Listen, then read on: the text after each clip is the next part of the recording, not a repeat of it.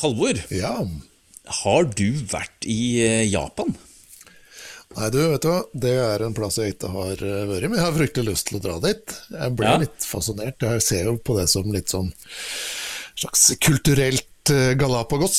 Eh, liksom litt Helt siden jeg så på Shogun som, eh, som liten eller ungdom, så tenkte jeg sånn ah, det, det er jo en plass hvor eh, her kan det skje litt av hvert.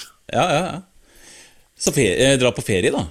Ja, ferie, først og fremst ferie. Det er sikkert artig å jobbe litt uh, der òg. Kona har jobba der, og hun sa at det var liksom som å jobbe på en annen planet. Det var ingenting som var sånn som hun eh, hadde forventa. De har liksom sine Tyngdekraftene virker på samme måte, og de drikker vann, men ellers er liksom ingenting du kjenner igjen, da. Så eh, det er litt spesielt. Vi skal vel dit eh, i, i dagens uh, podkast.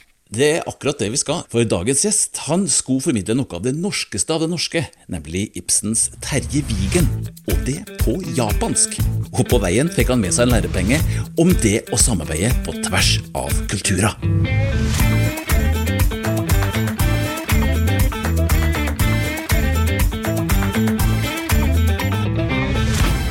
Velkommen til Mislykka, podkasten som tar for seg store og små mislykka prosjekter. Jeg heter Ole André Sivertsen, og min eh, motarbeider og kompanjong Halvor Haukerud, du sitter eh, fortsatt på Haukerud gard oppe i Odalen. Her er jeg. Bra. Det er god stemning på gården. Kjempestemning.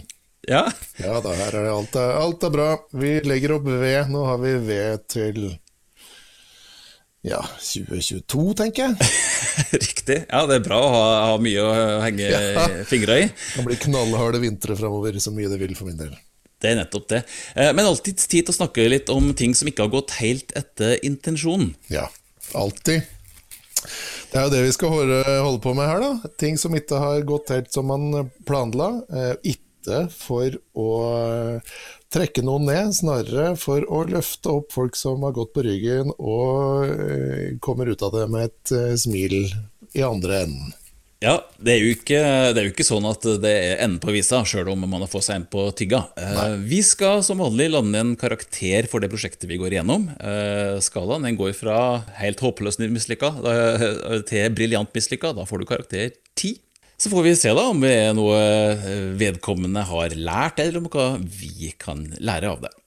Dagens case er som nevnt i innledninga av det internasjonale slaget. I 2006, i forbindelse med 100-årsmarkeringa av Ibsen, så ble Terje Vigen satt opp i Yokohama i Japan. Og det var ingen liten oppsetning. Ti forestillinger med publikum på 1500 i hver eneste forestilling. Og midt oppi dette her så var du Pål Ritter Skjerven. Det stemmer. Eller det som jeg het, het faktisk Porsan, hvis vi skal være helt eh, korrekt på det Nettopp, tidspunktet. ja. ja, ja eh, Hva sa du? Hus, Porsan. De kan, jo, de kan jo si L og R, de bare bytter, bare for å plage oss.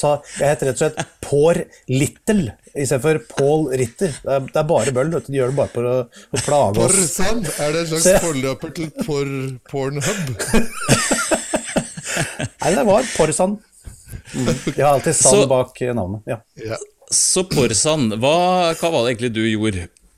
Jeg eh, jobbet med et eh, prosjekt som du nevnte, Terje Vigen, i eh, en enorm film- og danseoppsetting på eh, Der vi, vi brukte konteinere på kaia i Yokohama. Ja. eh, Til eh, å drapere de med, med lerreter, som eh, Jon Christian Alsaker hadde laget en fin løsning på. Ja. projisert som fem parallelle filmer, for sikkerhets skyld. Og bredden på det totale lerretet, eller hva vi skal kalle det, var på 85 meter. Så det var rett og slett en litt sånn uh, stormannsgal uh, forestilling. eh, med tanke på at havet er helt enormt, og at disse, disse sto jo i en bue rundt publikum nesten, så du fikk noen scener der som ligna både de norske scenene under napoleonskrigen, som Terje Wiggen er skrevet under, eller i hvert fall historien foregår da, eh, og som den type okkupasjon som Japan også har opplevd da fra amerikanere og fra forskjellige, i forskjellige deler av sin historie. Så dette her er på en måte en eh, litt sånn eh, enorm eh, horisont som vi skulle skape historien til Terje Wigen på. Men hvordan kom en sånn oppsetning i gang, liksom?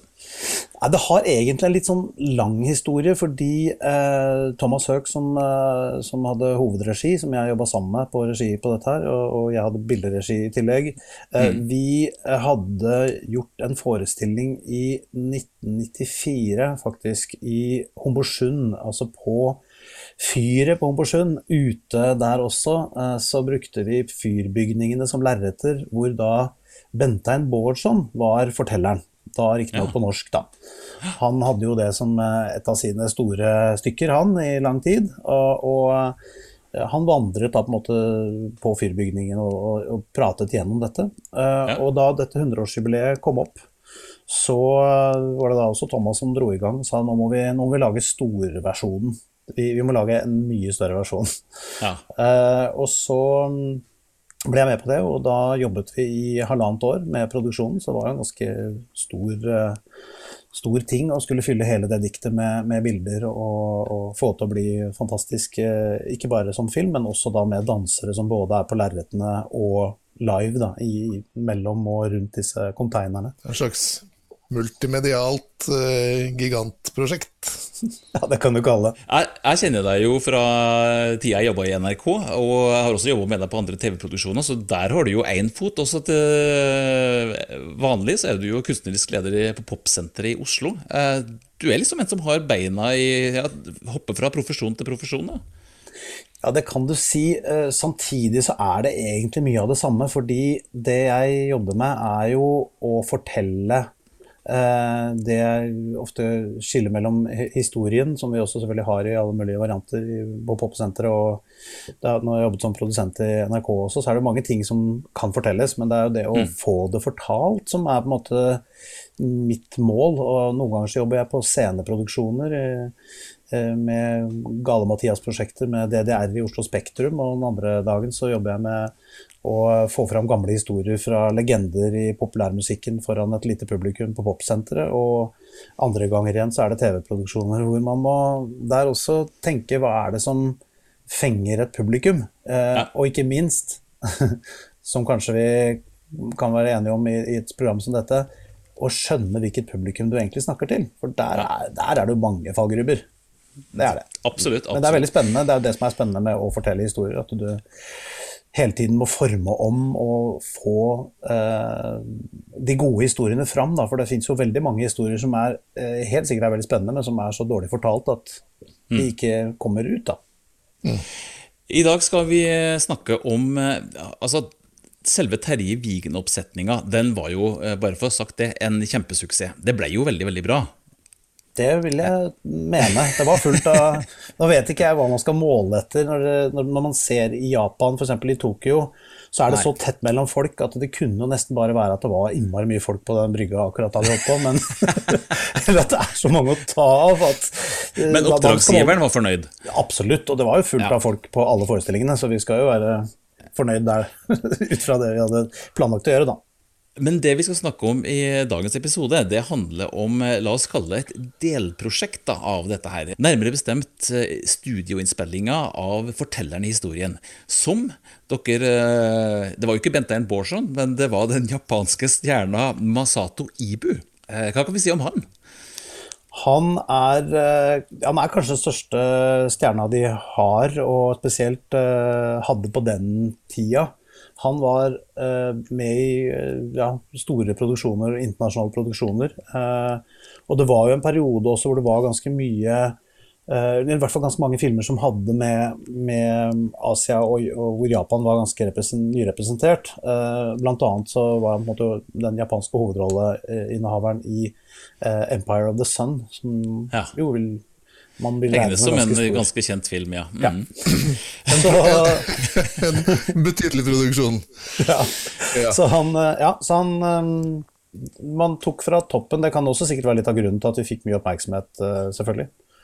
Eh, hvis, vi skal, hvis vi skal, før vi går i gang og fortelle egentlig hva det var du ikke syntes var helt topp med denne innspillinga, så eh, hvis du sjøl skal vurdere akkurat denne innspillinga med Masato Ibu, da, eh, på en skala fra 1 til 10, hvor vil du legge deg sånn cirka? Hva føler du liksom i etterkant? Eh, jeg vil jo si eh, det som kom ut i andre enden, ble nok så nære toppen som jeg hadde håpa på. Mm. Men prosessen eh, som eh, denne innspillingen eh, i, i denne skyskraperen langt oppe i en skyskraper i Tokyo, ja. der vil jeg si at vi var på sånn fem-seks. Vil jeg tippe. ja. okay. ja, det var ikke helt krise. Men det, du sitter altså med en følelse av at det er mulig å komme bedre ut? Ja, det, det, vil jeg si. Veldig bra. Vi skal nå ta for oss eh, innspillingen av fortelleren Masato Ibu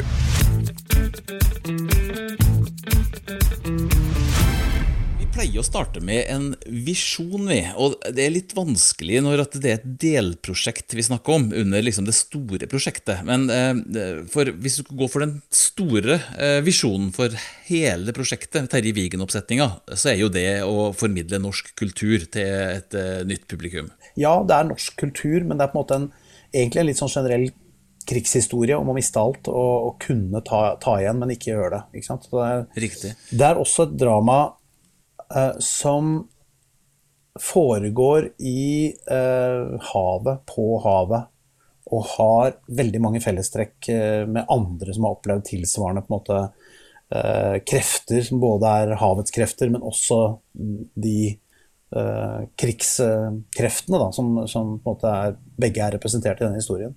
Hmm.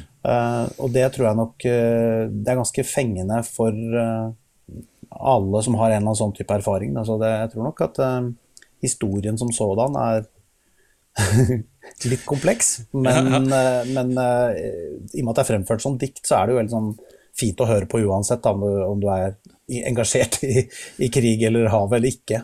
Den, den, er jo veldig kompleks. Det handler jo både om å ta ansvar og ta tak og passe på sine egne. Det handler om å, å, å, forholde seg til en eller annen situasjon som på ingen måte er ideell. og Det handler om å holde ut lidelse og, og faenskap, og ikke minst om å tilgi til slutt. Så den har jo alt. Den har faktisk eh, alt. Og det er det, det, er det som gjør det bra uh, når man har en forteller som er sterk i tillegg, som da Masato Ibu heldigvis uh, viste seg å være. Så er det klart at eh, hans stemme, og eh, egentlig helt fantastisk eh, å høre det eh, fordi jeg kan diktet nesten utenat, å høre hans partier inni der når jeg satt og klippa det og visste at dette skulle publikum få med hans uh, tunge hans, Så det er jo, det er jo skapt for sånne historier, det der uh, japanske språket. Det er veldig fint. Men hvis vi da eh, koker det litt ned, for her er det jo, eh, hvis vi da skal snakke om dette underprosjektet, nettopp innspillinga, så er jo egentlig det mer eller mindre en ganske vanlig TV-innspilling, må jo kunne si, en studioproduksjon. Det kan du si. Samtidig som det skulle jo ikke se ut som TV. For det første skulle det, ikke, det skulle egentlig nesten ikke se ut som film heller. Det skulle på en måte føles som at det var noe som foregikk på disse konteinerne som var drapert i, i uh, seilduk. på en måte. Dette skulle jo være mer sånn um, en følelse av et, uh, ja, et poetisk uttrykk, da, hvis man skal mm. kunne kalle det, og ikke en underholdningsproduksjon. Litt mer organisk, liksom? Eller? Ja, det, det, det, kan du si. Sånn at veldig mye av dette her, og, og mye av det jeg jobba med på den tiden, som jeg var veldig fascinert av, det var å bruke um, det svarte i bilder til å kunne legge inn andre bilder, i stedet for å bruke sånn som man ofte gjør, bruke en bluescreen eller green screen. Da blir det jo scene, eller i hvert fall på den tiden så så det veldig sånn TV-shop ut. At det var veldig tydelig at det var Her er det et skille, liksom. Det kommer sånn, ja, ja, ja. litt sånn lyskasterpreg. Sånn, det, ser jo ikke bra ut ofte. Um, kanskje bedre i dag, da. Men, men uh, nettopp det vil jeg unngå, så jeg ville heller at det skulle flyte inni, og at han skulle Når han gikk gjennom, så var han egentlig et svart rom og ganske spesifikt lyssatt, sånn at han, eh, det er nesten bare det lyset i hans uh, vesen som kom gjennom bildene, på en måte. Uh, hvis jeg var mulig å forklare det Jo, på. men jeg skjønner, skjønner det, og det, det gjør jo egentlig at dette her eh, Det er jo det, det er litt visjonært, for å si det sånn, rent sånn teknisk. Dette skal gjøres på en ganske spesiell måte. Du har en plan for hva det er du skal ha eh, når du drar fra det studioet, for å si det sånn. Det er ikke en hvilken som helst TV-produksjon. Det er riktig. Så veldig mye av det som eh, Det vi fikk ut av de to dagene med han i studio som skulle gå gjennom alle disse eh, versene, som jo er ganske komplekse ting å, å, å kunne Han skulle jo ikke stå med papir i hånda heller, han skulle jo faktisk klare å, å gjøre diktene. Det var en del sånne eh, dompapper, som vi kaller det. Sånne papplater med, med stor skrift rundt i studio også, selvfølgelig. Men det, var, det er ganske mye som skulle inn på to dager. Og eh, det, hvis vi kaller det råstoffet som vi kom ut med fra det studioet i løpet av de to dagene, det eh, skulle jeg da sitte og klippe inn i eh, alle disse andre bildene som jeg hadde fått filma og fått, fått tak i og, og lagt sammen. Eh, og det skal jeg jobbe med kanskje i et halvt år etter dette her. Og hvis de bildene vi lagde de to dagene, ikke fungerte, så snakker vi om en, eh, ja, kanskje en halv million da, ut av vinduet. Så det var ganske prestisje og, og, og litt sånn press på oss at dette må bli så bra det skal bli eh, på de to dagene. Du kan jo bare spørre, når du skal sitte og klippe dette her, eller er du fluent i japansk? Eh, eh, eller hvordan, hvordan gjør du det rett rent sånn praktisk? Nå kunne bare sagt at jeg tok en sjanse. Nei da, det var Hva sier han her, da? Ja, nei, her ser det ut som han sier at uh... Her er det noe engelskmenn. ja, I åren i bunnen brast, ja. Mm. Nei, du, det var uh, logga ganske nøyaktig. Så det, det, det var logga sånn at vi, vi visste hva som var hvilke vers etter det opptaket. Og det var også en del av planen her at det skulle være mulig for oss å, å få dette her i, i orden. Og så hadde vi noen tolker også som hjalp oss å rydde litt i, i dette stoffet her, da. Det er ikke veldig mye som er overlatt til eh, tilfeldighetene. Eh, kan vi lese det dit hen?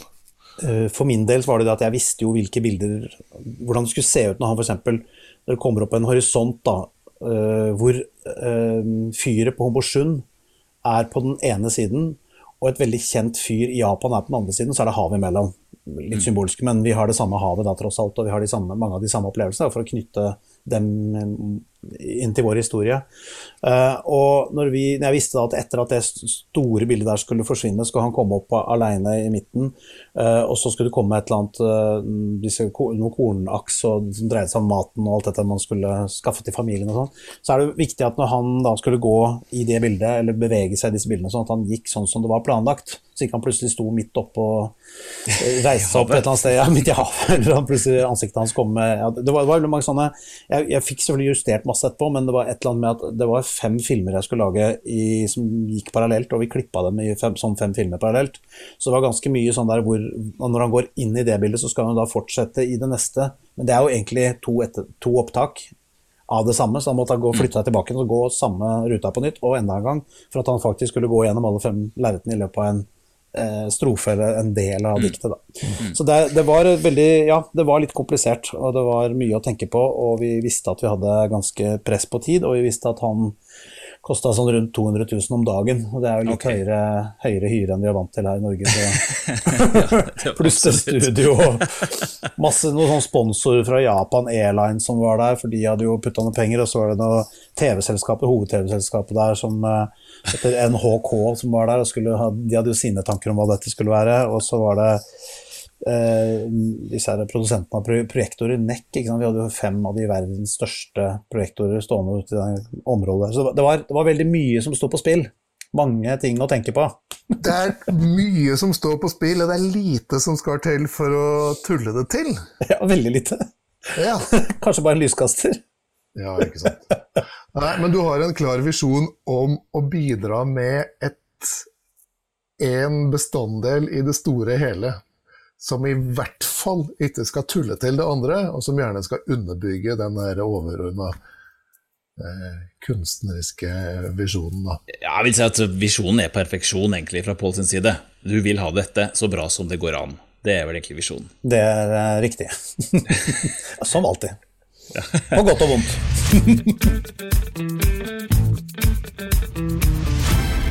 Vi drar oss over i neste del, som handler om eh, egentlig hvor mye med prestisje og motivasjon som ligger i eh, de involverte partene. Eh, hvordan følte du det personlig når du var der? Det er, det er mange involvert, og, er, eh, og, ikke bare der nede med alle de som har vært med og, og er med og finansierer her og, og, vil ha dette her opp å stå. Men det er også uh, Ibsen uh, jubileumskomiteen her hjemme. Uh, hvor da også Bentheim Bårdsson er, og hadde jo noen minner fra, fra tidligere der. Uh, og um, den norske ambassaden der nede var involvert, så vi hadde jo dem som våre hjelpere. Og skulle jo, alle skulle jo ned dit til den premieren også, fra Norge. Det var ganske sånn uh, Det var, var mange, mange, ting som tynget skuldrene en del da vi gikk inn i dette her. Eh, så spenningen var ganske stor egentlig da vi kom ned for å gjøre opptakene. Fordi vi hadde jo forberedt oss og sendt av gårde alt vi skulle, og vi visste hva vi var ute etter. Men vi visste jo ikke helt hvordan deres arbeidskultur var. For dette var jo da første gang vi var der nede uh, for å jobbe på denne måten. Litt sånn frykt- og spenningsbasert motivasjon? ja, det kan du si. ja, hos dere, men jeg tenker, hva med, hva med det japanske crewet? For dette var jo, dere leide jo da inn et teknisk crew som skulle være med å gjøre dette her i, i praksis. Jeg, jeg fikk ikke med meg småpraten. Så det er litt vanskelig å si hva som var, hvordan de ja. så på det. Fordi uh, vi kom jo inn med, med hva skal vi si, det, det, vi skulle ha med av uh, tegninger og, og altså, alle bevegelser og alt som skulle skje i studio. Vi var jo på en måte forberedt sånn som vi ville vært uh, hvor som helst ellers. Uh, på hvilken som helst mm. produksjon, egentlig. Så må man jo ha planlagt dette. Ellers så koster det jo veldig mye å ha en svær stab stående. Men det, det, som er på en måte um, vårt første møte med produksjonen, er at selvfølgelig de har sånn ordna med det kommer noen og henter deg ikke sant, i en ordentlig bil. og uh, inn i Tokyo og svær skyskraper. ikke sant? Og, og uh, hvis, du, hvis, du, har sett uh, Lost in Translation, så er det sånn. det er akkurat sånn det er. Ja. Du, kommer, du kommer, inn, og du, du vet ikke jeg, Vi visste jo hvordan du skulle hilse på folk engang. Du skal jo gjøre det på en spesiell Nei. måte. Og det er ikke bare at du skal hilse, men du skal hilse og skal du egentlig holde visittkortet foran deg, sånn at du skal være veldig høflig, og, så de kan lese ja. navnet ditt med en gang, sånn at de vet hva du heter og hva du driver ja. med. Uh, og så tar de mot det kortet, og så gjør de det samme. Så det var måten, da. Men for dem, men for dem om de syns det var noe spesielt den dagen, det er jeg ikke sikker på.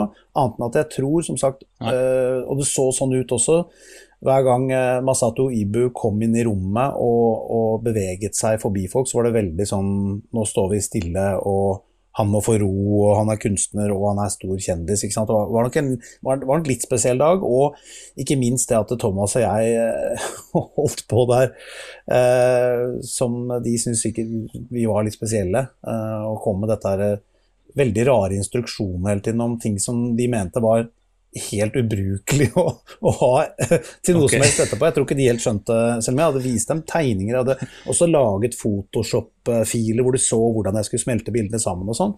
Så for så vidt en grei forståelse for dem. Jeg tror de noe, det føltes for meg på at de bare sånn Ja, la oss bare få dette av gårde. Så. Men var det mer prestisje fra, fra norsk side enn fra japansk side? Opplevde du det? Ja, det tror jeg nok. De det, dette studioet var jo på en måte uh, hyra, ikke sant. De, for mm. dem så var det nok, var nok, en av jobbene sånn sett. Altså, de får sikkert masse ting de gjør der som Det var ikke et sånn kjempestort studio heller, men det var sånn, som sagt langt opp i Det var liksom 30. etasje. Det var sånn absurd å være studio langt oppe i skyskraper. Men det var mye av det, for det er selvfølgelig svære bygninger. så det er jo liksom men, men ja. Men bare så det sagt, vi, vi, har, vi, har, jo gått gjennom dette prosjektet sånn som vi har forstått det fra deg eh, på forhånd, eh, Pål. Og, og vi tenker vel egentlig at det er kanskje et av de tinga som scorer høyest i prosjektet, det er forventningen og eh, ja, motivasjonen og prestisjen som ligger i potten her. At for dette vil dere virkelig skal lykkes, og dere har på en måte fått inn eh, Masato Ibu, eh, den hotteste japaneren, til å spille rollen, og det liksom Dette her eh, har dere store forventninger ja. til. Eh, opplever vi. Og så er det jo på en måte det som gjør at det blir litt gøy når eh, det blir litt krøll, da. Ikke sant? Ja, i hvert fall når det, er de, når, det, når det er de små ting, holdt på å si, når det er de nære ting. Så er det Og så forteller jo det, at det er mye folk, og du sier at det er eh, projektorleverandører som står på gangen og tripper, og det er eh, noen ambassader involvert, og det er mye folk som er Ja, klare er for at det skal gå bra, da. Ja, Ja, jeg, ja, jeg tenker liksom sponsorer, de, de har jeg noen ganger litt sånn forhold til at de, de må bare bli, bli glad så de føler at de får oppmerksomheten rundt det. Uh, mens uh, sånn som det japanske TV-selskapet og uh, Ibsen jubileumskomiteen og det var noen ministre og sånn som skulle komme på den premieren og sånt. Det, det var det, jeg er vanligvis ikke så sånn der opptatt av hvem som skal se på, det skal være bra uansett hvem som skal se det. Men det er klart at det, det ble et litt eh, sånn trykk i, i hele de to veldig komprimerte dagene, fordi at det skulle Ja, det måtte bare ikke feile. Fordi han, Masato Ibu, kom ikke tilbake. Med mindre du hadde i hvert fall da de 200 000 tilgjengelig. Det er jo litt sånn Frank Sinatra, eh, tenker jeg. Ja, ja, ja. Sorry guys, you blew it. Det er sånn, eh, Da får dere finne Men, på noe annet. da får dere finne på noe annet. Da Men er det fortell- Bentheim som må stille opp. Ja. Og Bentheim lærer seg litt japansk. Ja. Men fortell oss litt om hvordan dette her eh, så ut da, i, sånn, i praksis. Eh, For dere skulle jobbe da mot et japansk team. Ja, og uh, i og med at jeg har jobbet veldig mye med TV-produksjoner, så, så man vet jo at det fins mange uh, forskjellige roller som alltid er der, og som vanligvis man ser i, eh, i studio. Og det var for så vidt ganske likt. Eh, de hadde et eh, kontrollrom, sånn som man vanligvis har, et sånt regirom, mm. som var isolert fra studio, med, med skjermer og lyden bra og sånn. Så, så det vi gjorde, var at um, i stor grad så så var um, Thomas uh, fokusert på uh, bare få alle tekstlinjene og det Han jobba der også med en tolk, da. Eh, der tror jeg også var en del um, lost in translation. Uh, og, eh, og han uh, og Masato Ibu var ikke noe sånn uh, solstråle, egentlig. Han var ganske sånn eh, alvor, alvorstynget. Men jeg tror også Ja. han tenkte på at dette må jeg, jeg må levere. Han var jo, det var mye å tenke på. Det er diktet Vi Ja. tenker Det er, klarer man jo, men det er søren meg langt dikt, altså, og det er mye som Mm. skal skje. Hans eh, team, altså de som var rundt ham, det var enda litt mer alvorlige folk, for det var jo hans agenter, og de hadde jo eh, sitt å, å passe på, ikke sant, og skulle passe på at ikke uh, deres uh, troféskuespiller skulle gjøre noe som ikke ble bra nok. Ikke sant? Så de Ja. var jo også litt sånn Hvordan er det dere skal gjøre dette her? Og de, det var egentlig mange, tror jeg, da, som, som eh, Eller kanskje bare vi følte det, som, som hadde en interesse i akkurat de, de opptakene de to dagene. Men, men selve produksjonsformen var ganske lik. Det var en, eh, en normal eh, stab i, i regi der som fulgte med på ting, og det var en uh, sjefsfotograf, og det var, eh, ja, en del forskjellige folk. Men jeg- så jo ikke alle før etter hvert. Men Men du- har en tolk som du henvender deg til når du vil ha noe gjort, da. det stemmer. Så vi har en kvinnelig tolk, veldig hyggelig. Og jeg tror det stort sett så, så kom det meste gjennom eh, henne på, på greit vis. Altså, det var meste av det jeg ba om, var det som eh, skjedde. Men det, men det er klart, det er jo litt sånn viskeleken eh, i, i forhold til tid, da. Altså, Ja. at du eh, Jeg sier noe til henne, og så skal hun si det til eh, sjefsfotografen. Det er ofte den som, som er ansvarlig i studio. Eh, Og så skal han si det til eh, f.eks. lydansvarlig, og så skal lydansvarlig si det til sin assistent som skal gå og rette på den eh, mikrofonen, eller hva nå enn det er. da. Så det, det blir jo en litt sånn kjede av ting. Så hver gang man sier noe, så hører du sånn Det rusler litt rundt i studio, disse tingene som blir sagt. Og det er også, det, Her er det jo til det må ha en tolk, men det er også at det, man, det skal gå i de vante rekkefølgene, da.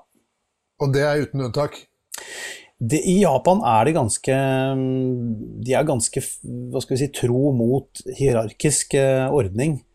Um, det er sikkert mange grunner til det, men, det, men de er um, opptatt av det også fordi mest sannsynlig så vil det jo bli litt kaos i et land med så mange mennesker hvis de ikke har noe system.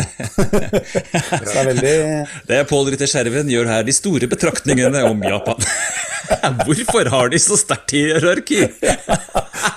Jeg syns jo at det er en av de tingene som jeg syns er fascinerende med Japan, jeg hører om Japan eller har kjente som har vært der. Sånn, at det er, folk står i kø, ja. folk er høflige, det er ryddig i orden. Altså, det er ikke noe sånn Du liker dette du, Halvor? Ja, ja altså til å være gründer så er jeg overraskende glad i rammer og ryddighet, altså. Eh, så jeg syns det er hyggelig at folk er trivelige og, og oppfører seg sånn som de skal. Og, ja, men jeg tenker jo at dette, dette, burde jo egentlig fungere veldig bra eh, for en som kommer og har regi òg, da. At, at uh, her går, blir liksom ting tatt alvorlig og det blir gjort noen ting. Altså, Hvor er det problemet oppstår da?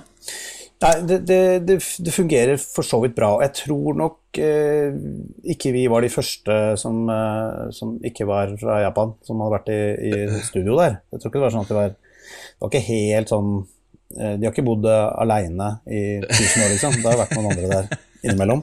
Men, eh, men, likevel så har jo de da med, med både litt den derre dette ordnede forholdet til hvem som skal få beskjed fra hvem, og, og hvordan dette skal foregå, så, så, er det jo også et problem at det er ganske mange japanere som ikke kan engelsk. Så der er de ganske mm. Vi er mindre enn mange andre land. Da. Så de eh, blir veldig avhengig av Eller vi var jo også veldig avhengig av tolk, at den tolken funka, og at det, det som skulle skje kom fram uh, etter den viskeleken var over. At det var det som skjedde i enden av den, den rekken ja. av folk. da. Um, og det var der det begynte å, å Jeg merka det litt. Det høres ut som en teambuildingsoppgave, egentlig. det gjør det. Her kan du bare overføre rett inn til Popsenteret. Du kan selge det som et uh, sånn konsept for uh, bedrifter som skal lære seg å høre det er bare å kjøre. Rett ut. Lag en liten snutt. Fire vers med Terje Vigen. Vær så god. Det er ingen som får lov til å kommunisere direkte. Så, så kommer ut. ut. Så ser du hva det blir til slutt. Så legger du en melodi på den siste som kommer ut, som er helt absurd. da, da, har du en poplåt. Kanskje en, en kul rapplåt, faktisk. Men eh, jo da, det, er, det, er et, eh, det var en slags um, Uh, hva skal vi si uh, uh, Jeg vil si at det var et, et lite kultursjokk på en måte. men det, jeg oppfattet det som at det gikk ganske bra det meste av tida. Men mm. det vi mista tid på en del ganger før det virkelig krasja helt, det var at det var en del ganger hvor jeg ba om noe som jeg så kom når Masato Ibu fikk beskjeden om hvordan han skulle gå, f.eks. Eller eh, han skulle stoppe på et punkt, og så skal han gå videre, og så, den type ting. Så var det Thomas og jeg var enige ok, dette det blir bra rytme. Og så, og så hendte det en del ganger at det ikke skjedde. og så tenkte vi sånn vi har så, mye tid igjen, du begynner å kalkulere, ikke sant. Uh, og han, han, blir litt muggen hver gang han må gjøre det om igjen. For han syns det er litt tungt å huske alt dette her. Så det er ikke bare liksom å Kan ikke du bare ta den et par, par, ganger til? Det var sånn ja, Jeg kan klare å få til det. Det, det, det skal gå, liksom. Han, det er ikke så nøye at han sa akkurat det. Skal, det kan jeg flytte litt på i, kam, nei, i klippen etterpå. Og så, og så, var det et par andre ganger hvor vi sa noe som eh, det ikke skjedde. Hvor det bare ikke skjedde noen ting. Jeg tenkte ok, men det er ja, nei, vi klarer oss med den. Da, da bare la det være. Må, man måtte liksom begynne å justere, for hvis ikke så hadde vi jo kanskje ikke blitt ferdig med hele. Så vi, vi drev helt til litt sånn derre vi tenkte, hva, hva, skjedde, hva, hva, skjedde, for noe? Altså, du gir en beskjed, og så sier en mamma, mamma, mamma, mamma, og så Ja, ok, tar vi det en gang til. Skjer ingenting. Nei. Og så, skjer Nei, nei og da, da, var par, da var det et par ganger hvor jeg hadde litt sånn Du, nå tror jeg kanskje han misforsto. Kan, kan, du ikke si Eh, at de, skal, de, må flytte litt der, kameraet må litt eh, hitover, jeg vil ha det fra den vinkelen og sånn.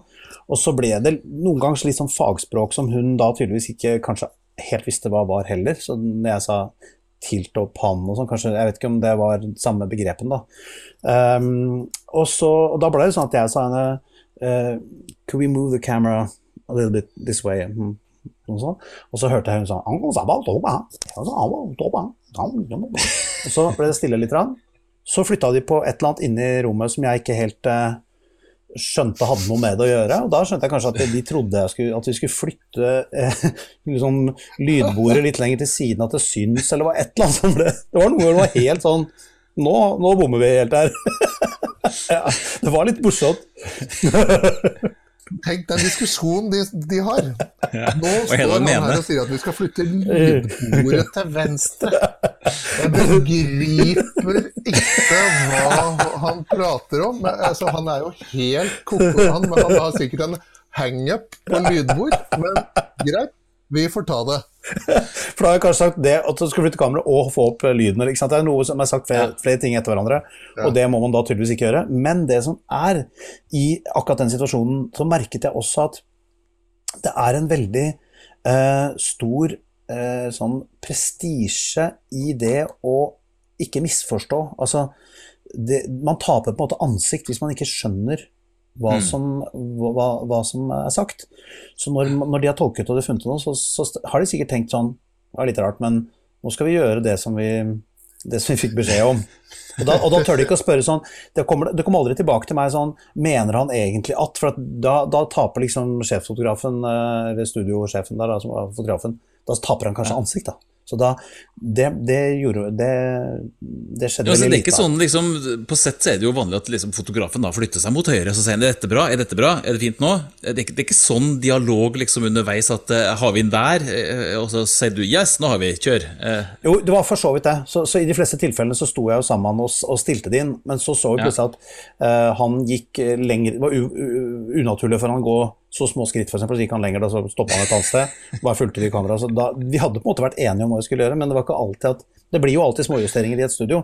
Men det, jeg merka at jo flere ting jeg begynte å spørre om uh, som jeg tenkte at uh, perfeksjonisten meg skulle ha helt som jeg ville ha det, så skjønte jeg at faren for at jeg roter det til, er ganske stor. At det blir Det opptaket vi hadde der, det er kanskje bra nok, og kanskje vi må leve med at den, det blir litt annet sted. Og jeg kan jukse det til med, med noen overganger og sånn eh, i, i klippen. Og det, sånn måtte man liksom og du har ikke lyst til å si til Masato Ibu hele tida at eh, sorry, vi, du gjorde det bra, men vi har på en måte ikke løst det Nei, helt nei, det er det jeg mener. For det, det, det ville Ja. virke uproft også. ikke sant? Så det, det, det var Vi ville jo også fremstå som at vi, vi visste hva vi drev med. Og, vi, ja, men vi, vi visste hva vi drev med, men vi ville jo gjerne vise at det, var en, at det var en tanke bak de tingene som vi hadde gjort. Så når, Ja, ja, De, når de ble nesten sånn vi hadde håpa, så måtte vi noen ganger bare tenke at dette er, dette er så langt vi kan trykke på den. Nå må vi gå videre, liksom. Ja. Så det, det var en pågående diskusjon. Thomas og jeg hadde stadige sånne små denne, Nå går vi videre. Eller nå, nå tror jeg ikke han orker å ta den, den tekststrofa en gang til. Da får vi leve med det vi har. Og sånn holdt Ja. vi på. Og det var igjen også for at vi skulle være effektive, da, for vi hadde som sagt ikke råd til mer enn to dager med dette her. Og så kommer da, eh, hvis vi skal si eh, rosinen i eh, mislykka pølsa, hvis, vi, Ja. hvis det er noe som heter det. Ja, det kan vi kalle det. Det er det noen som heter nå. Ja. Eller eventuelt stein i, i sand, sandkorna i, ja, stein i skoen, i maskineriet. Um, fordi da vi kom mot uh, slutten av uh, dag to, da visste vi jo på en måte at dette er det vi har igjen, og dette er den tiden vi har igjen. Og vi kan nok ikke regne med at uh, Masato, Masato Ibu eller den andre gjengen der bare sier sånn Er, er, det, er det noen som skal noe etterpå, eller kan vi ta en time ekstra? Det blir pizza, altså. Jeg tror ikke det sies så ofte i, i japanske studioer. Jeg tror der er, det, der er det du som har driti deg ut hvis ikke du er ferdig når du skal være ferdig. Da, må du, da har du tapt ansikt. Så må du gå enten og ta en har- harakiri, harakiri eller et eller annet. Um, Harakiri og hierarki er jo tett på hverandre. ja, det er sant. Godt poeng. Um, så uh, dette her ble litt sånn eh, Pulsen økte litt mot slutten, for vi så at vi hadde igjen en del, og det var noen sånn litt spesielle take som jeg var veldig keen på å få, få riktig. Og, eh, og ja, Thomas begynte å bli litt sånn rød på halsen, og vi begge sto litt sånn og Hva gjør vi nå? Vi må bare få dette her i boks. Og det, det var for så vidt innafor. Men da liksom det var, Hva var det som var liksom- innafor? Eh, På tid. Ja, vi, vi, hvis alt gikk som det skulle, og ikke vi fikk noe feil, så ville vi komme i mål innen den tiden vi hadde satt opp den dagen. Ja.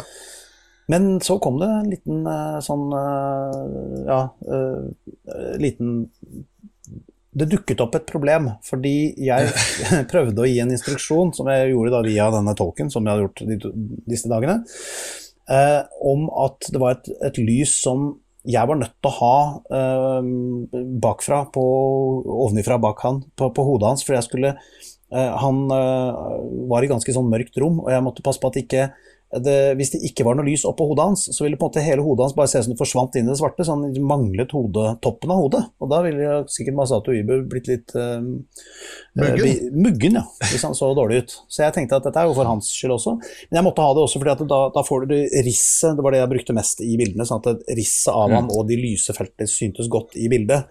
Og for at det skulle skje, så måtte man ha lys jevnt, sånn at han uansett hvor han beveget seg, så var han ganske tydelig belyst fra sider og taket og sånt. da i dette svarte rommet. Og så, uh, så jeg ba egentlig da sa at jeg, jeg, jeg ville ha litt uh, uh, Jeg sa vel noe sånt som higher intensity, og så pekte jeg på den lampa som jeg da så litt lenger inne i studio. Men det var ganske langt inne, så vi så, vi så ikke den direkte. Men jeg sa at jeg skulle ha høyere intensitet da, på denne her. Og så gikk den der eh, løypa av gårde da, vet du, med sånn viskeleken. Det var vel tre-fire tre, ledd, tror jeg. og da kom de i enden av det. sånn, og så kom det en ut av, eh, som da var lysassistent, kom ut med en stang sånn der du kan dytte opp og ned sånne pantograflamper, som er sånne der sakseaktige lamper. Sånne gammeldagse. Så han gikk ut, og så dyttet han den oppover i taket Eh, med selvfølgelig den eh, effekten at det ble svakere lys, for det første. Og den kom i en helt annen posisjon. Den lampa kom jo da et annet sted, så det ble det bomma helt. Det ble egentlig bare mye verre. Og så gikk han tilbake, og så så sjefsfotografen på meg, og liksom Da skal vi vel kjøre opptak? Skal, skal vi ikke? Og så tenkte jeg sånn Ok, hvordan gjør vi dette her nå? Um, og så sa jeg til hun eh, tolken da, nå tror jeg det er misforstått her, nå ble den flyttet fysisk oppover i rommet, men jeg skulle ha bare sterkere, og prøvde jeg flere ganger å si vri på Jeg liksom gjorde mange sånne tegn som skulle sånn, skjønne at det var mer lys. da. Og så uh, ny sånn der runde, og begynte tiden gå litt, og så kom han ut igjen, han som da hadde dyttet opp, lampa opp. Og så dro han lampa ned til der den var, og så gikk han tilbake igjen. Og så ikke noe endring i lyset, da. Og så tenkte jeg nå, nå kan det være at folk blir stressa, for alle merker at det begynner å nærme seg slutten av dagen. Og Masato sto der bare så helt sånn, helt uten noe uttrykk i ansiktet nesten. Bare så sånn tusenmetersblikk rett gjennom meg, ut på baksiden av huset. Bare hva er det som skjer? Han liksom? var Terje Vigen, han nå. Uh, ja. man, det er da du må finne fram Terje Vigen i deg. Altså, tenke litt sånn at nå Jeg skal tilgi uh, dette her. Jeg tror han tenkte at det kommer noen penger inn på konto snart, så jeg får bare holde ut. Men uh, ja. disse rare folka, hva er det de driver med? Tar lampa opp, og så tar lampa ned. Ja, ja. Og så skulle vi til å kjøre, og tenkte jeg faen, det er en ganske lang scene. Det er i hvert fall dumt hvis han gjør den og er litt sliten, og jeg sier vi må ta den en gang til. Så jeg tenkte jeg tar en sjanse på at jeg, jeg får det til. Så jeg fortalte henne det på nytt. Og så uh, ble hun litt stille, og så skjedde det ingenting. tenkte jeg, Nå er, nå er han sjefsfotografen sur, for nå, nå stoppa alt opp her. Nå var det sånn fin flyt. Så kommer han der uh, regifyren der og tuller med alt sammen. Og så gikk jeg, da mens det var litt sånn stille, da gikk Masato Ibu litt satte seg han ble, Jeg tror han ble litt oppgitt. Alt ble sånn, litt sånn rar stemning i studio. Så da gikk jeg ut på gulvet der og så tenkte jeg nå skal jeg se hvor den lampa er. da. Og så idet jeg står og titter ute i studio der, da har de andre begynt å prate om noe annet uh, bak meg, da kommer han derre lysassistentassistenten, eller hva nå det var, han var, han kommer ut på gulvet og så sier han til meg Du, jeg vet hva du sier, men jeg kan ikke gjøre det, fordi jeg må få beskjed om å gjøre det. Og jeg sa, du kan engelsk? Ja, ja, jeg har skjønt hva du har sagt hele dagen. Ja, ok. Så, så, jeg vet at du egentlig skal du ha mer styrke på den eh, lampa. Men jeg må gjøre det som jeg får beskjed om, selv om jeg har hørt hele tiden at du har sagt noe annet. Så han hadde stått inne i kulissen og hørt, hørt meg prøve fortvilet å få hun dama til å si det jeg skulle ha, og han hadde skjønt det, men han gjorde noe annet. Så tenkte jeg ok, dette er, dette er liksom sånn toppen av eh, hvordan, hvor gærent det kan gå. Og så sa jeg, og så sa jeg til han du, kanskje ingen kommer til å merke noe. Hvis du bare går tilbake nå og så skrur den, for nå står den jo riktig, og så bare skrur du litt, høyere, litt mer lys på den lampa. Er det greit? Eh, ja, han tvilte litt, men så sa han ok, greit, de merker sikkert ikke det. Så gikk jeg tilbake og sto ved siden av sjeffotografen igjen, og så sa jeg ok, da kan vi kjøre. Og nå satt vi Ibu opp og eh, skulle til å begynne. Og idet han trekker pusten, så sjeffotografen stopper hele opptaket. Hva er hva er det som har skjedd her? Stopp, stopp, stopp, stopp, stopp! Og så, han, så kom det noen sånne skikkelig sinna gloser. Hansson! Bang, bang, oh! Et eller annet sånt. Og da datt det folk ut. Da, da kom det 30 mennesker jeg aldri har sett før. Som falt ut bakrommet og inni noen gardiner, og det sto en fyr som hadde holdt i noe tau. Det var bare masse mennesker. Og så, så, så sto han og kjefta, og så sier hun, sier hun tolken til meg du, du, han sier at det er noen som har skrudd litt kraftigere lys oppi taket der. Så du må Det, det, er visst noen som har gjort noe som han ikke har sagt. Og så sa jeg ja, men det er jo jeg som har sagt det. Jeg sa det til han lysfyren som gjorde det for meg. Det må du aldri gjøre. Hva da? Du må aldri snakke direkte til noen som er her. Du må si alt gjennom meg og sjefsfotografen. Så sa jeg, men nå hadde jeg sagt det tre ganger, det ble jo ikke noe av, og jeg må jo ha dette her gjort. Og så, og så Vi sto og småprata bak, og så hørte jeg han med noen sånn skikkelig ordentlig sinte altså da, da er vi på det høyeste nivået på på Terje Vigens dramatiske scener. Den hadde da sjefsfotografen plutselig. og skreik et eller annet, og så, og så forsvant alle inn i bak noen gardiner og ble borte igjen. Og så så vi, så vi de aldri igjen, da, de, alle disse her som stakkar maurene som sneik, kom seg ut på, på, på gulvet. Og så sa hun til meg Nå er du nesten nødt til bare å la eh, fotografen ta de bildene som han tar nå, eh, og så må du aldri, aldri snakke til noen av de som er under han igjen. Nei, sa jeg, det er jo heldigvis snart slutt, det går sikkert bra. Men, men, men eh, nei, og så, så sa jeg hva, hva var det han sa for noe? Uh, nei, han hadde sagt noe sånt som um, Hvis noen her gjør noe som jeg ikke har sagt, så har dere mista jobben. Så jeg var jo så livredd for at det skulle være et åpent vindu oppe i 30. etasje her. Sånn den derre stakkars lysassistentassistenten, som jo faktisk kunne engelsk, eh, tok en tur ut. Eh, eller et eller annet. Fordi det var jo han som sannsynligvis da fikk flenga, da, eh, vil jeg tro. Eh, for det var jo, han måtte vel sikkert til slutt si at det var han som hadde tatt imot en beskjed fra meg. Så Riktig. det, det gjorde eh, at eh, det ble litt rar stemning etterpå, og så holdt jeg helt kjeft. Og vi fikk eh, inn de siste scenene, og så Men ble det med det lyset, eller må du tilbake til det du ikke ville ha da, eller? Jeg har en følelse av at han var litt på min side, selv om han hadde fått eh, dagens eh, store skyllebøtte. Så tror jeg faktisk han lysmannen tok det ned, men bare litt. Altså Den var bedre enn det det var før, så jeg tror han faktisk Ja. tenkte at ok, nå har vi dumma oss ut, jeg visste jo at jeg ikke skulle gjøre det. Men jeg skjønner jo hva han sier, og jeg, han skjønte at jeg var litt desperat òg, så han hadde da tror jeg bare lot den lande litt midt imellom. Så at eh, han som sjeffotograf følte at han hadde styrt tilbake igjen til litt lavere lys, og så var det greit. Ja. Uh, og så hadde vi litt jobb i, i etterarbeidet med å, å øke akkurat de nivåene og sånn, så det, det, det ordna seg. Det, det gikk bra. Men det var akkurat de Men det var total meltdown liksom på settet pga.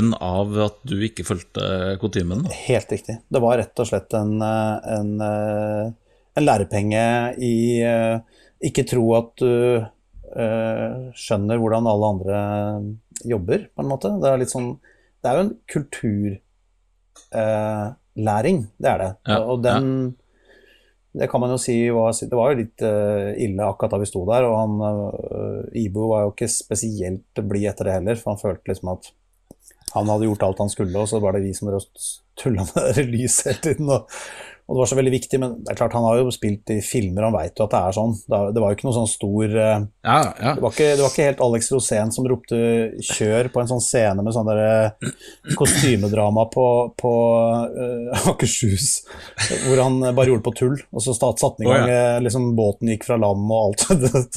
han skulle bare bølle med å si sånn Kom igjen, kjør! Nei, så Det var jo ikke så store konsekvenser sånn rent folk og sånn, det, det var ikke det, men det var bare at det var rett og slett litt slitasje. Åssen gikk det med han så- eh, assistentassistenten, da? Fikk han beholde jobben sin, eller? Eh, Det veit jeg ikke. Han var det ingen som så noe mer til. Nei, jeg tror ikke det.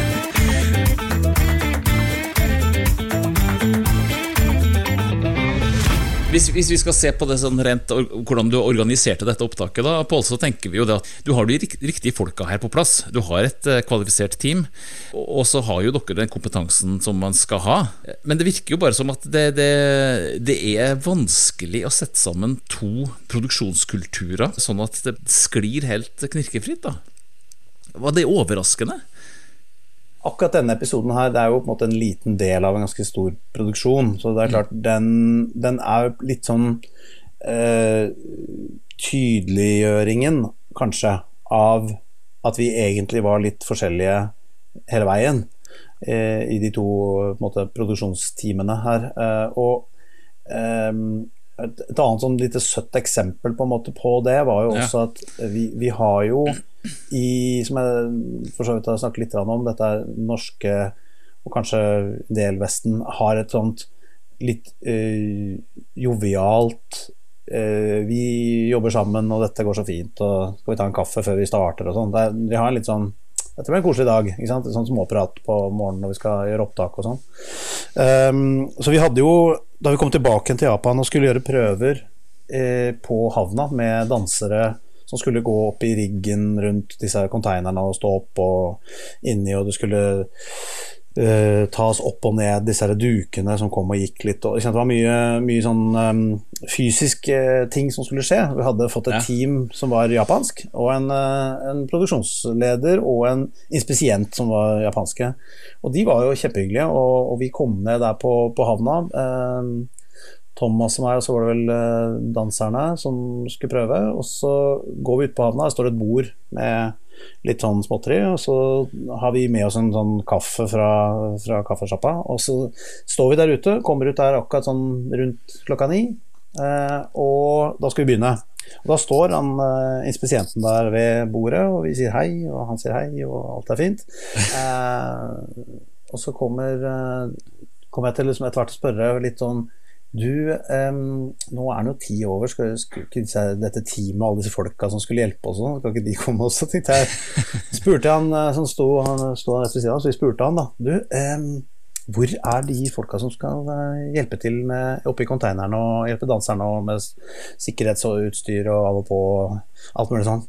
Så ser han litt sånn overrasket på, på oss, da. Hvorfor, hvorfor, vi spurte om det. Så tar han opp en sånn walkietalkie sånn, med sånn snurrekabel opp i, til kjeften som han har kløpet på, på brystet. Så tok den opp, og så sa han et eller annet. Og så var det akkurat sånn lite vindblaff eh, over hele det derre eh, Alle disse konteinerne. Og plutselig så sto det 20 mann der som hadde stått klare fra klokka ni.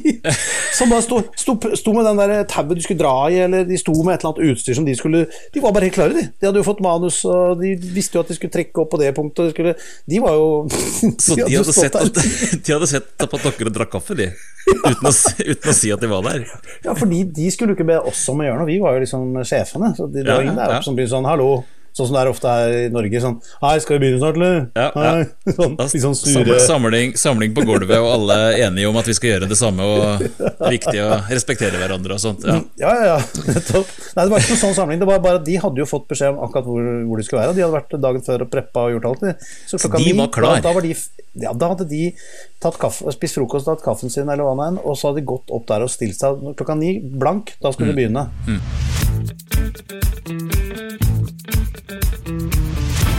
Halvor.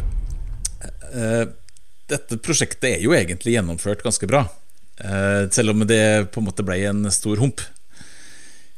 Ja, altså Det store prosjektet er jo gjennomført, og til stor uh, glede og suksess. Og det er videreført og alt mulig. Og, det, og, det, og, delprosjektet som vi her prater om, det er jo også gjennomført og i stor grad eh, vellykka, sjøl om man det er vel, det vel Paul sin personlige lille hump eh, vi snakker om her, som er mislykka, er det ikke det?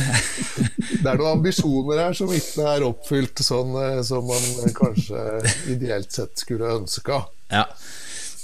Så alt i alt, men, men, jeg tenker jo på at eh, her har jo de planlagt egentlig for å sikre seg at de kommer hjem med et opptak. Eh, sånn at det som skjer, er jo egentlig ikke kritisk for verken prosjektet eller delprosjektet eh, i og for seg. Så det sånn kunne sett, det. Det, det kunne, kunne, vært ja. det hvis Det Visset her, det var ja. jo hvis han sjefsfotografen gikk helt i taket og gikk fra jobben. For han mente at det, eller at han stakkars, eller han stakkars lysassistenten gikk og tok livet av seg. Eller at Masato Ibu, Masato Ibu bare marsja rett ut og, og lot Terje Wigen være Terje Wigen og, og, ikke ville gjøre noe mer. Altså, ja. så, så, så den, hvis, jeg, hvis, vi ikke hadde klart å redde situasjonen i det mm. øyeblikket det skjedde, så, og, og, det ordna seg til, til, det beste akkurat her, ja. så kunne det jo vært kritisk, selvfølgelig. Ja. Men det er nok mer enn uh, note to self, som det vel heter, ja. uh, for senere ting jeg har gjort, da. Vi har jo sånn karaktermessig gitt deg litt lav på gjennomføringa, bare pga. denne humpen her, men det er jo bestått. Det vil vi absolutt si. Takk.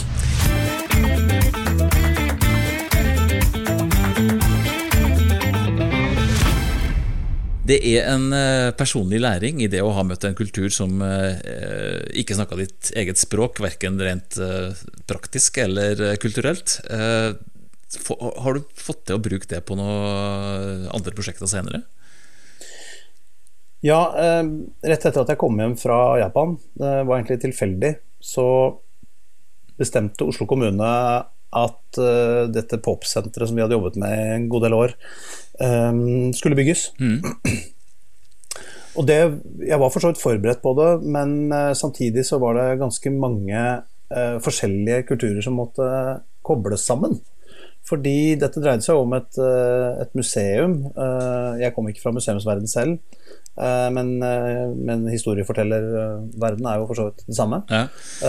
Men da måtte jeg jobbe med så innmari mange fagfelt som hadde veldig forskjellig forståelse av hva dette skulle bli, og hvorfor de var en del av det prosjektet. Mm. Der brukte jeg ganske mye tid på å prøve hele tiden å si til meg selv at nå, nå skjønner du ikke hva de egentlig vil. Nå tar du det for gitt at alle skjønner din visjon. Og at alle, alle, vil så veldig gjerne at dette her skal opp, og i den formen som jeg hadde begynt å se for meg. Ja. Eh, det var kanskje ikke helt riktig, så det var en del eh, friksjon i perioder der også, hvor, hvor noen uh, jobber i formater som er veldig lange, og så skal det være et museum, og så må du kutte ned, og så sier fagfolk nei, men kan ikke kutte ned, da, da skjønner man jo ingenting. Hvis ikke hele, alt er med, så blir det feil. Mm.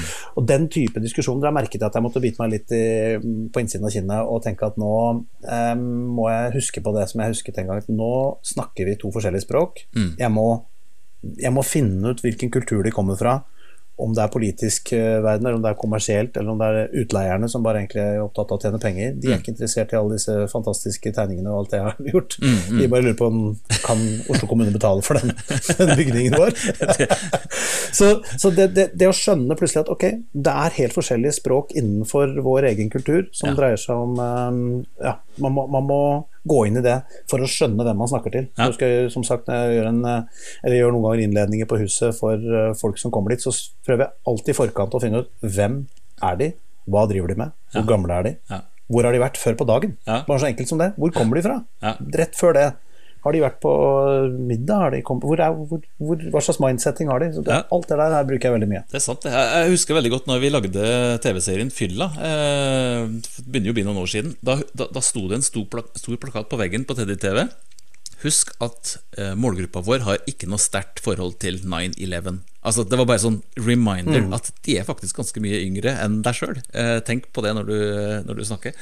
Ja, det synes jeg er... hvis, du, hvis, du, refererer til ting som de enten ikke bryr seg om, ja. Eller syns er helt håpløst, ja. eller faktisk ikke vet hva er, så har du ganske Da har du dårlig treff på, på historien din. Ja. Så det er, det er, det er, ja, det er akkurat det. det min, jeg minner meg selv på det ganske mange ganger. At det er eh, du kan fortelle så gode historier du bare vil, men hvis målgruppa di ikke skjønner hva du snakker om, så, så er det ikke så mye vits. Halvor, hvor er det du, du, er jo mye ute med motarbeider og treffer norsk organisasjonsliv og forskjellige kulturer. Har vi liksom den type avstander som si, Norge-Japan?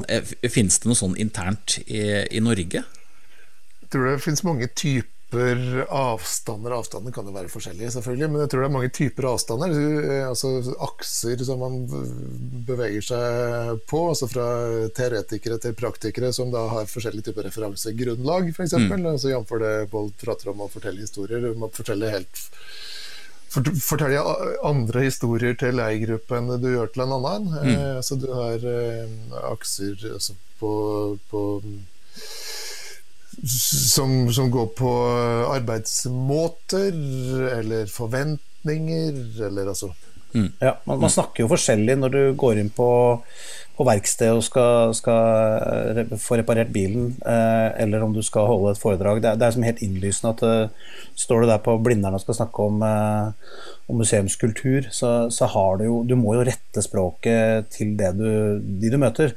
Men det er de gangene hvor du ikke skjønner strukturen i eh, hvordan det jobbes eh, i en organisasjon, mm. at du sannsynligvis kommer til å bomme. Og det er jo sikkert der mange typisk, eh, vil jeg tippe, sånne uh, direktører som akkurat har tatt over organisasjonen, og så skal de liksom komme inn og si nå skal vi forandre alt, og så sitter de inne der og tenker sånn Ja, det sa den forrige direktøren også, det gikk i hvert fall ad undas, fordi han snakka ikke med oss. Også, det, er, det, er sånn der, det er sikkert mange fallgruber i det å dette skal fortelle den gratis.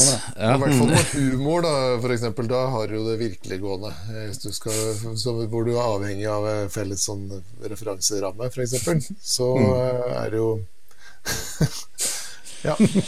Der har du alle tiders muligheten til å møte en helt eh, sånn Det er helt mørkt. Stille, ja. Stille i salen.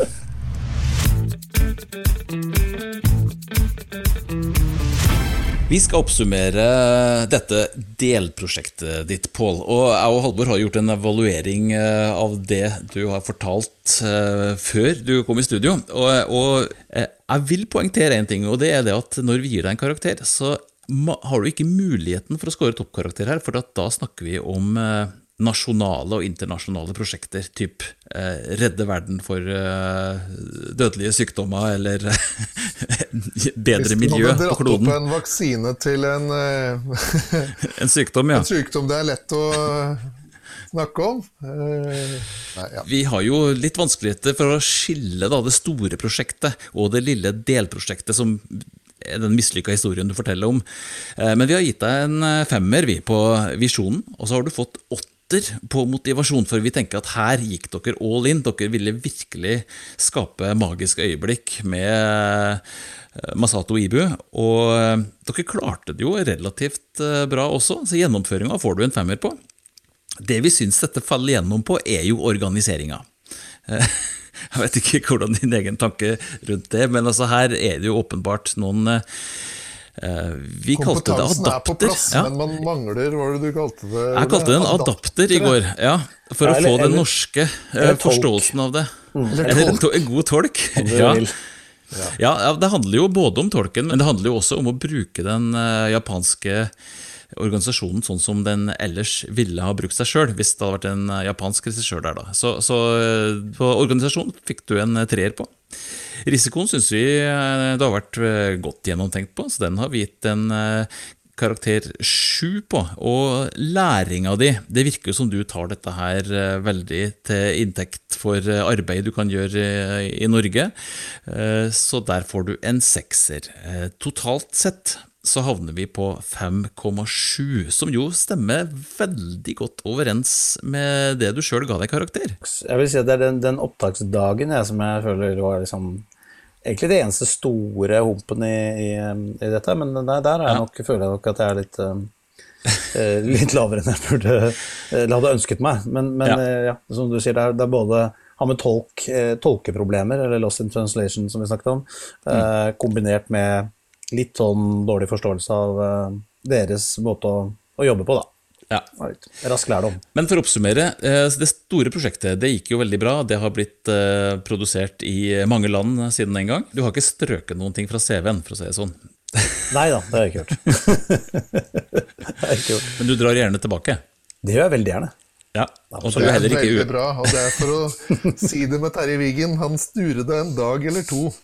Så kastet han sorgen av. Han dro til Japan for å gjøre et nytt forsøk. Toeren. Terje Vigen 2. i Vigen 2. Der hvor han faktisk hevner. Ja, for det var de veldig forundra over i Japan. Hvorfor i all verden hevna han ikke? Syns han var skikkelig pudding. Uh, Halvor, fikk du noe mer lyst til å reise til Japan av det her? Jeg er kjempeklar. Jeg får lyst til å jobbe i Japan nå.